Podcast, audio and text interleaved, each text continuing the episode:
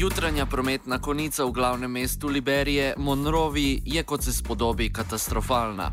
Dvourno vožnjo iz enega dela mesta v drugega preživim s prebiranjem bere lokalnega časopisja. Liberijska medijska krajina se v grobem osredotoča na štiri stvari: uložke, ki jih v državo daje mednarodna skupnost, nogomet, lokalne politične novice ter ostale novice iz Liberije. Nazornost in izrednost novic ter podobi slednjih dveh skupin me vedno znova presuneta že z naslovi. Lifeless woman with missing genital parts found in Harper, believed to be a victim of ritual killings. Cutlass, cold blooded murder or suicide. Pod zadnjim naslovom je bila zapisana sledeča novica.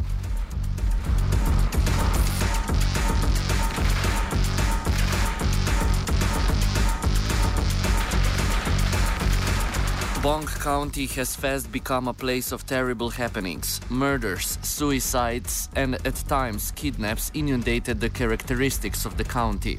Accurate statistics of the number of murders, suicides are unavailable, though those who follow these vexing developments will attest. 2012 2013 witnessed mass murders or suicides, this paper is informed. And with one month and few days in the new year, the county seems poised to augment its records, considering the latest cold blooded death of a woman. Residents of Vaziala town in Bong Country, few kilometers away from Ugbaranga, are in a state of bewilderment over the disturbing and how to understand cold blooded death of Madam Bowen, who went to bed Monday evening sound and saved.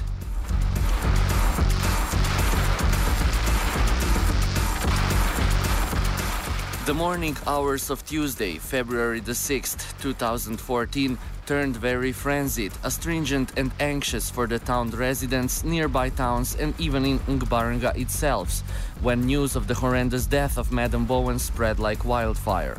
The comatose remains of the deceased stretched on a country mat in her bedroom in a pool of blood, with her intestines seen gouge out coupled with traceable marks of cutlass down her throat, which is a sign of an attempted asphyxiation.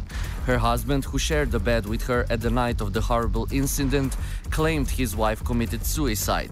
That is, she took away her own life while he was in deep sleep.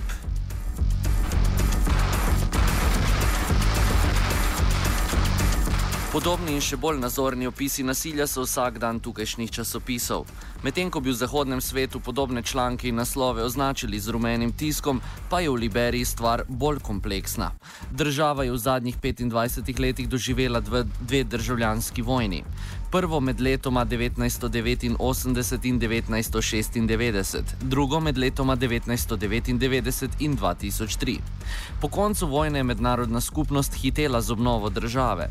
Medtem ko Združeni narodi v Liberiji nadaljujejo obnovo infrastrukture in poizkus vzpostavitve dostopa do osnovnih stvari, kot sta izobrazba in zdravstvo, pa je prisotnost nevladnih organizacij, ki so še pred nekaj leti zaposlovale nevrijetno število ljudi, vedno manjša. Odhod nevladnih organizacij je še bolj poglobil že tako velik prepad med peščico, ki jo predstavlja Amerika.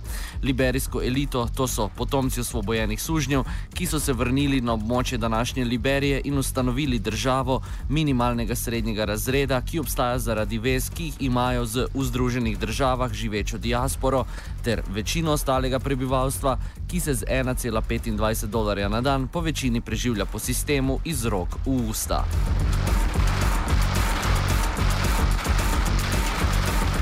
Kakšno vezo ima to z mediji in načinom poročanja o nasilju? Večina prebivalstva v Liberiji se vsak dan sooča s posledicami vojne, znane po izmaličenjih, spolnem nasilju, prostituciji kot načinu preživetja, otrocih vojakih. Po podatkih organizacije Zdravniki brez meja ter Združenih narodov naj bi za posttraumatskim sindromom trpelo vsaj 40 odstotkov prebivalstva. Psihiatrična oskrba v državi ne obstaja. Boj za preživetje se vsak dan odraža v obliki oboroženih ropov in drugih vrst nasilja. Poprečen liberijec je v letih po koncu vojne vajen in priča vsakodnevnemu nasilju. Zakon o medijih v državi ne obstaja. Regulacije vsebin, cenzura, aretacije in nadlegovanje novinarjev so zadnje čase sicer vedno bolj pogoste, vendar zgolj v primerih, ko so novinari kritični do oblasti in predsednice Ellen Johnson Sirleaf, sicer prejemnice Nobelove nagrade za mir.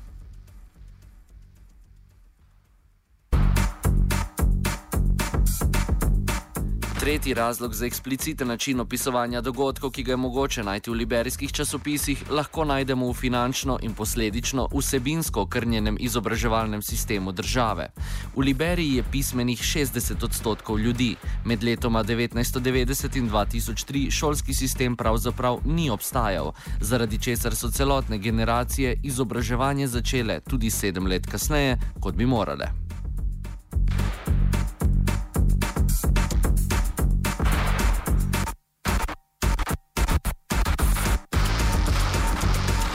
Afropesimizem, bolj razmišljanje o tem, kako je družba deset let po koncu vojne še vedno popolnoma prežeta spomini na njo in njenimi posledicami, in o tem, da se stvari za nekatere ljudi pač ne spreminjajo.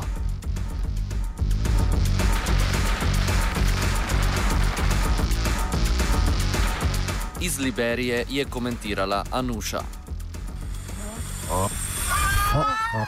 Oh.